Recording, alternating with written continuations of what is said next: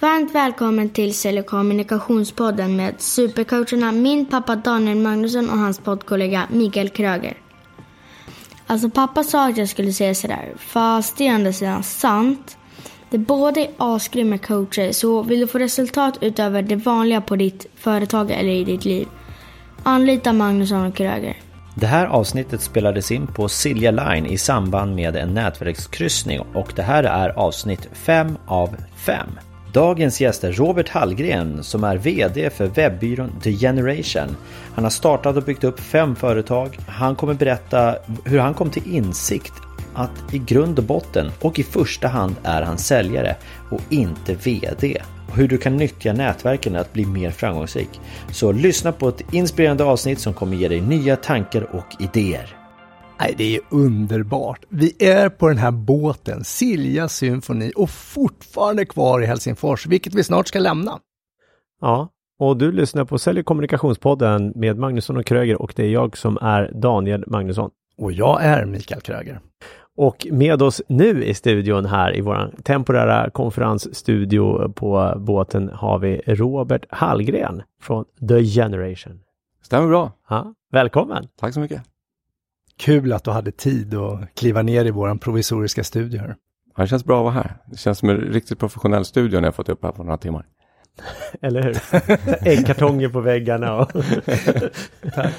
Eh, Berätta, vem är du? Så lyssnarna får en bild av dig. Jag är en, eh, får man säga serieentreprenör, men jag har startat upp och drivit upp eh, fem bolag. Och eh, om man pratar ur arbetsperspektivet så, så är jag företagare helt enkelt. Fem bolag. Mm. Dra lite kort vad det innebär. Alltså, eller vad det är för typ av bolag, så tänkte jag mig. Mitt största bolag, eller största, mitt första var eh, 2004. Då började jag importera bilturbokomponenter från Australien och sålde på webben. Och eh, det ledde till att jag började upptäcka att det var väldigt svårt att hitta webbyråer som levererade på ett bra sätt. Så där föddes en liten tanke som bevarades till framtiden. Men eh, jag gav mig inte in i den branschen riktigt då, utan jag startade upp ett annat bolag eh, som, eller köpte in med ett annat bolag som höll på med affärssystem. Så började vi integrera affärssystem med e-handelssystem. Och numera kan man ju köpa det där på kran för 50 kronor i månaden, men på den tiden var det ganska komplext och så gjorde vi lite sådana lösningar. Ja, eh, så, och nu driver jag en webbyrå som heter Generation, som jobbar med grafisk design och webbproduktioner i Wordpress för eh, lite större bolag och organisationer. Men är du IT-människa och tekniker och programmerare i grunden, eller? Jag brukar säga att jag är idag företagets absolut sämsta programmerare. Men jag har, har eh, grunderna absolut. För det är ändå tufft att starta igång, men nu går det ju väldigt bra för er vad jag har förstått det. Ja, vi har kört i fyra år och vi är 17 anställda. Det rullar på bra faktiskt.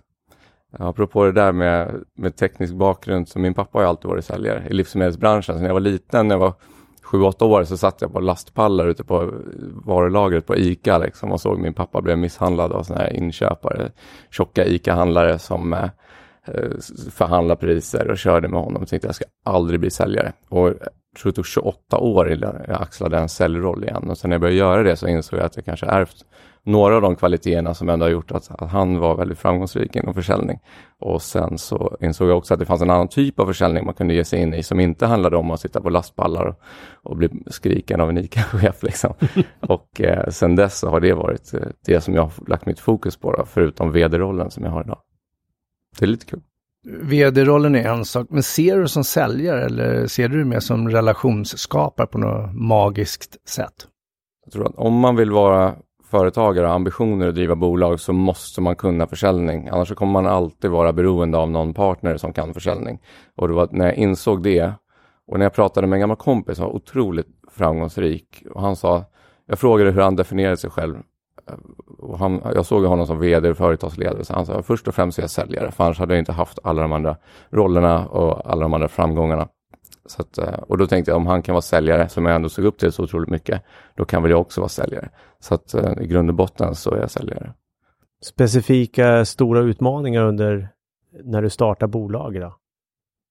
Varje bolag har haft en egen resa. Mm. Allting från de ensamäventyren man har kört till när man har drivit tillsammans med andra. Mm. De största utmaningarna skulle jag säga är väl alltid hur man interagerar med andra människor, vare sig det är kunder eller kollegor, partners, medarbetare, så måste man ju klara av eh, relationer. Och där kommer ju nätverkandet in också. Gör man det på ett effektivt bra sätt så har man ju ett starkt nätverk som jobbar för en som ambassadörer och ser till att skapa affärer men även finns där som trogna leverantörer när man behöver hjälp med det och även se till att skapa en attraktionskraft när man behöver rekrytera. Man har ett gott rykte och mm. får till sig bra personer. Mm. Det är viktigt. Mm. Så när, när du startade ditt nuvarande, för du kanske poppar upp några nya företag, vad vet jag, men det är The Generation för fyra år sedan. Hur, startade du det själv eller hade du partners eller hur, hur började den resan? Ungefär ett och ett halvt år innan vi startade Generation så hade jag gjort en, en liten exit på ett bolag och köpte in mig i, ett, i en annan webbyrå helt enkelt. Och var där, e, efter ett halvår kommer jag ihåg, de kom och sa så här, du är ju programmerare här, jag var ju partner då, men programmerare. Men du har ju sålt mest av alla, eh, till och med mer än säljarna. Så eh, kan inte du bli försäljningschef istället? Mm. så jag har alltid kämpat för att vara designer och programmerare och sådär, men jag faller alltid tillbaka i säljrollen. Mm. Så då var jag eh, säljare där och eh, körde på något år till. Men sen så, ska man säga, det kom lite utmaningar emellan i partnerskap och mm. det är inte alltid man, eh, man jobbar med, med rätt personer helt enkelt. Och när det uppdagades så, så sålde jag mina andelar i det bolaget för en krona. Men mm. jag hade också möjligheten att ta med mig de som jag tyckte var absolut vassaste. Så jag gick ut och hämtade den bästa programmeraren, designern och projektledaren och sen så frågade jag dem om de ville vara med och starta ett bolag mm. tillsammans. Och så gjorde vi det och det, det var fyra år sedan.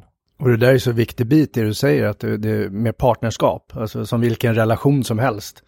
Ibland så mår vi inte bra i relationen och då antingen så kan vi jobba med relationen och få den att funka eller så breakar vi upp.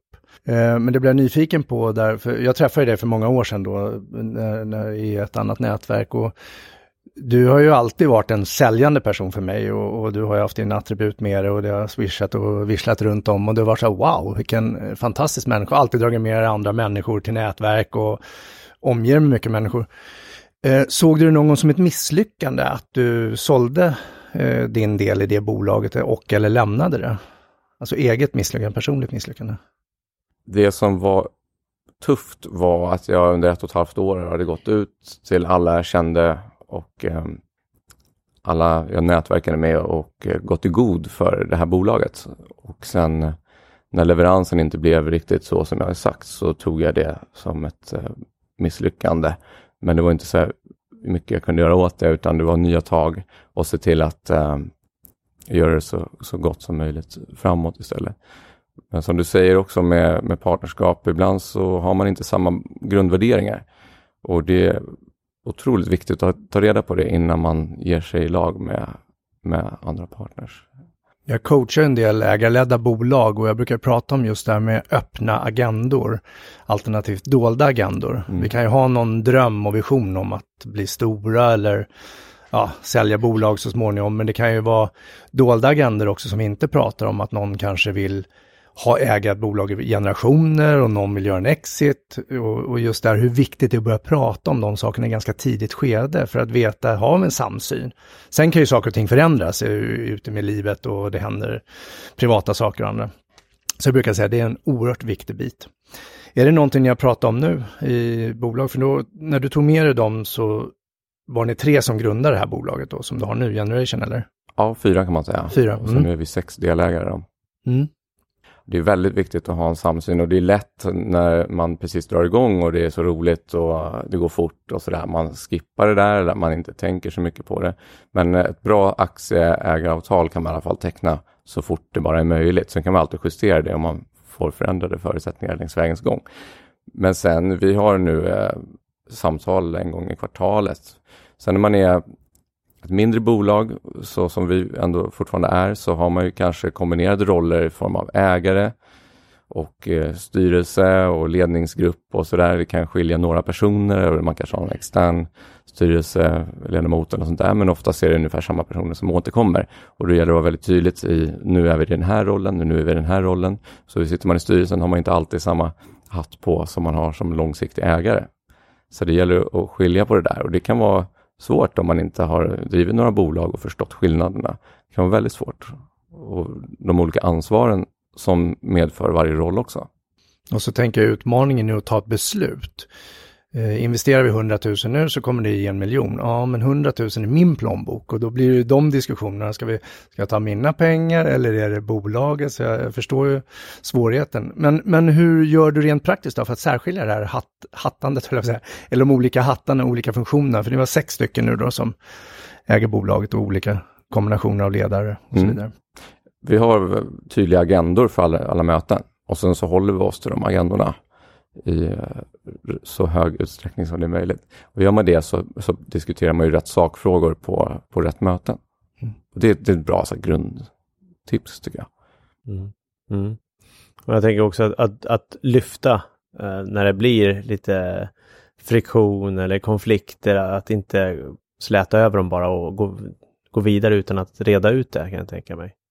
Ja, det, det, kan ju vara tufft, men det är också, vd-rollen är ju väldigt operativ eh, oftast. Ja. Och, eh, det, det, gäller att få undan puckar och lösa problem hela tiden, för man kan inte ha ett berg av grejer som ligger, då, då drunknar man.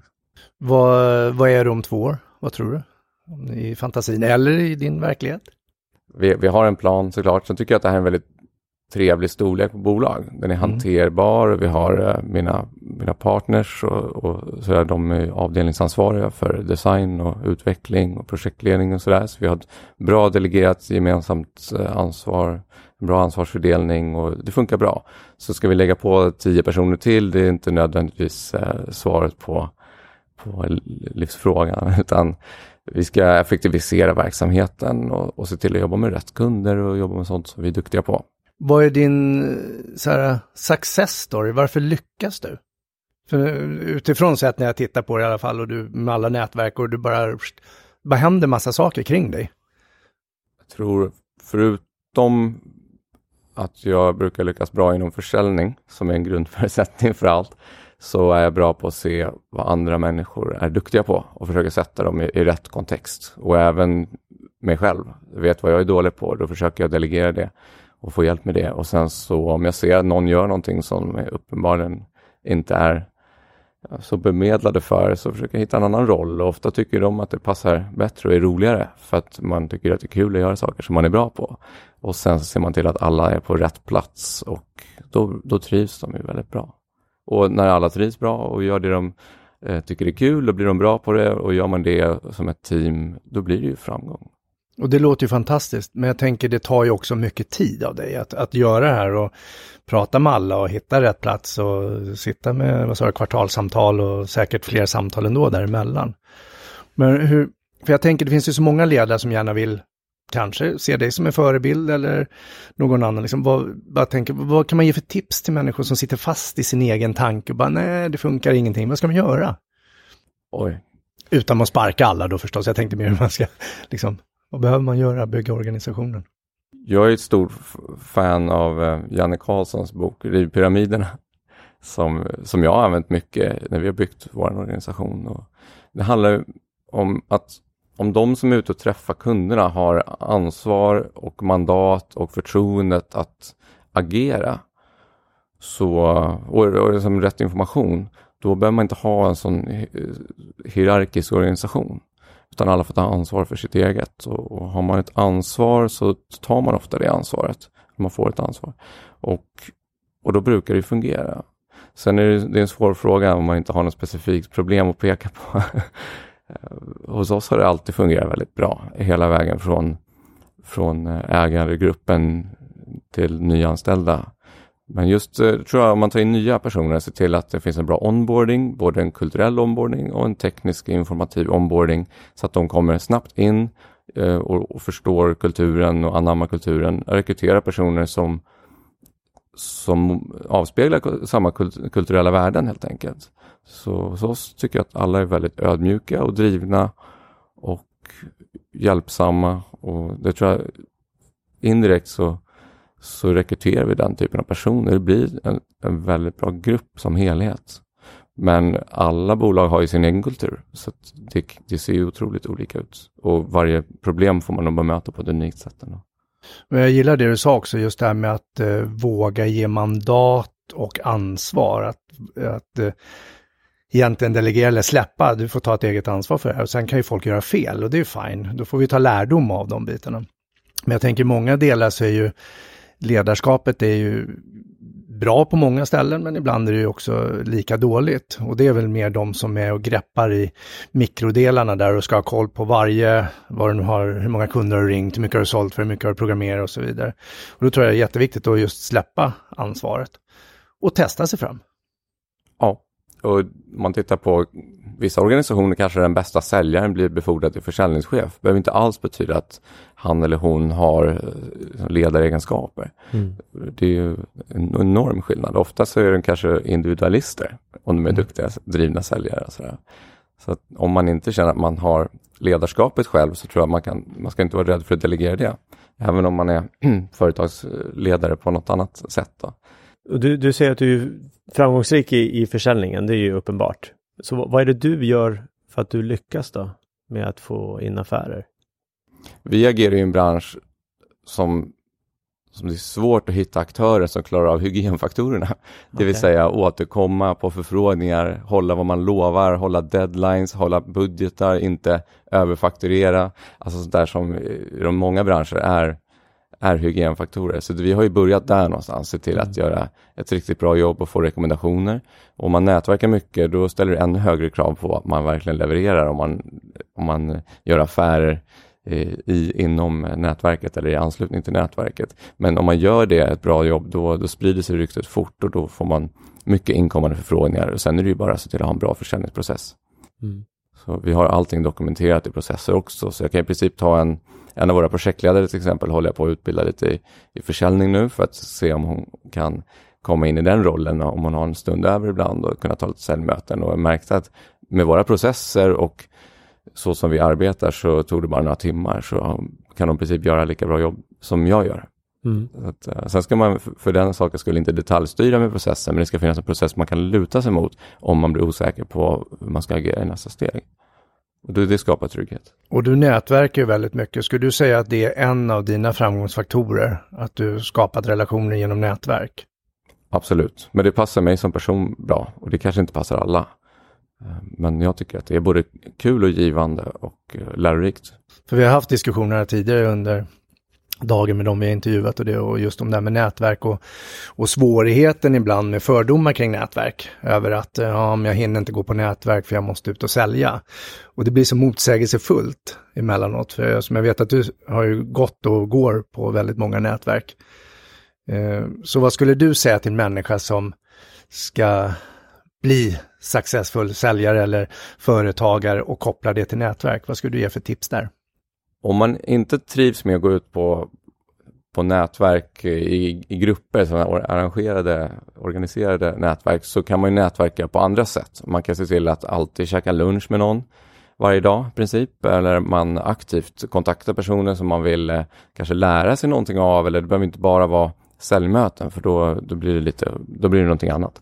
Men att man ser till att man bygger upp ett, eh, en bekantskapskrets då, eller ett, ett nätverk på något sätt det tror, jag tror att det är viktigt. Sen finns det ju några digitala eh, affärsidéer som du inte behöver känna en enda själ för att bli jätteframgångsrik säkert också. Men det beror lite på vilken typ av verksamhet man har. Men har man ambitioner och nätverka sig till framgång så hitta det sättet som passar dig och nätverka på och eh, uh, kör. Ta ett steg i taget. Och det, det är en, en långsiktig aktivitet. Det är ingen quick fix. Vad är agerandet då när du nätverkar för att det ska bli eh, lyckosamt?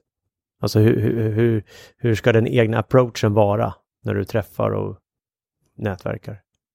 Först och främst tycker jag man ska försöka lära sig vad den andra personen gör och lära känna dem så mycket som det är möjligt på den tid man träffas. Mm. Så att man förstår också vad, vad de gör, för då kan man också rekommendera vidare när man hittar ett behov eller någon typ av värdeskapande kontakt för den här personen. Man kopplar ihop dem med någon annan. Och sen om man ska bli långsiktigt framgångsrik så brukar jag säga att man ska bli lika glad själv när man skapar en affär åt någon annan som när man får en affär själv. Och, och det, det, blir, blir jag faktiskt. Jag tycker det är kul. Men det är kul att ge. Det är kul att ge bort eh, julklappar eller vad som helst. Det är kul att ge en lead till någon som, som uppskattar det. Så att, eh, och det är ju oftast eh, en, en kostnadsfri aktivitet så att säga. Mm. Och bara skicka vidare och ha varandra top of mind. Och sen vet jag också att du är ju väldigt duktig på att tacka efter om du har fått leads.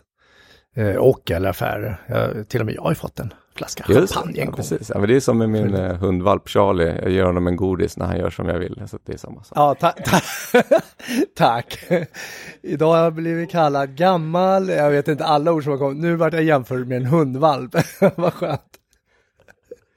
Ja, ja men det, det är bra och det är, det är ett sätt att skapa ambassadörer då, egentligen.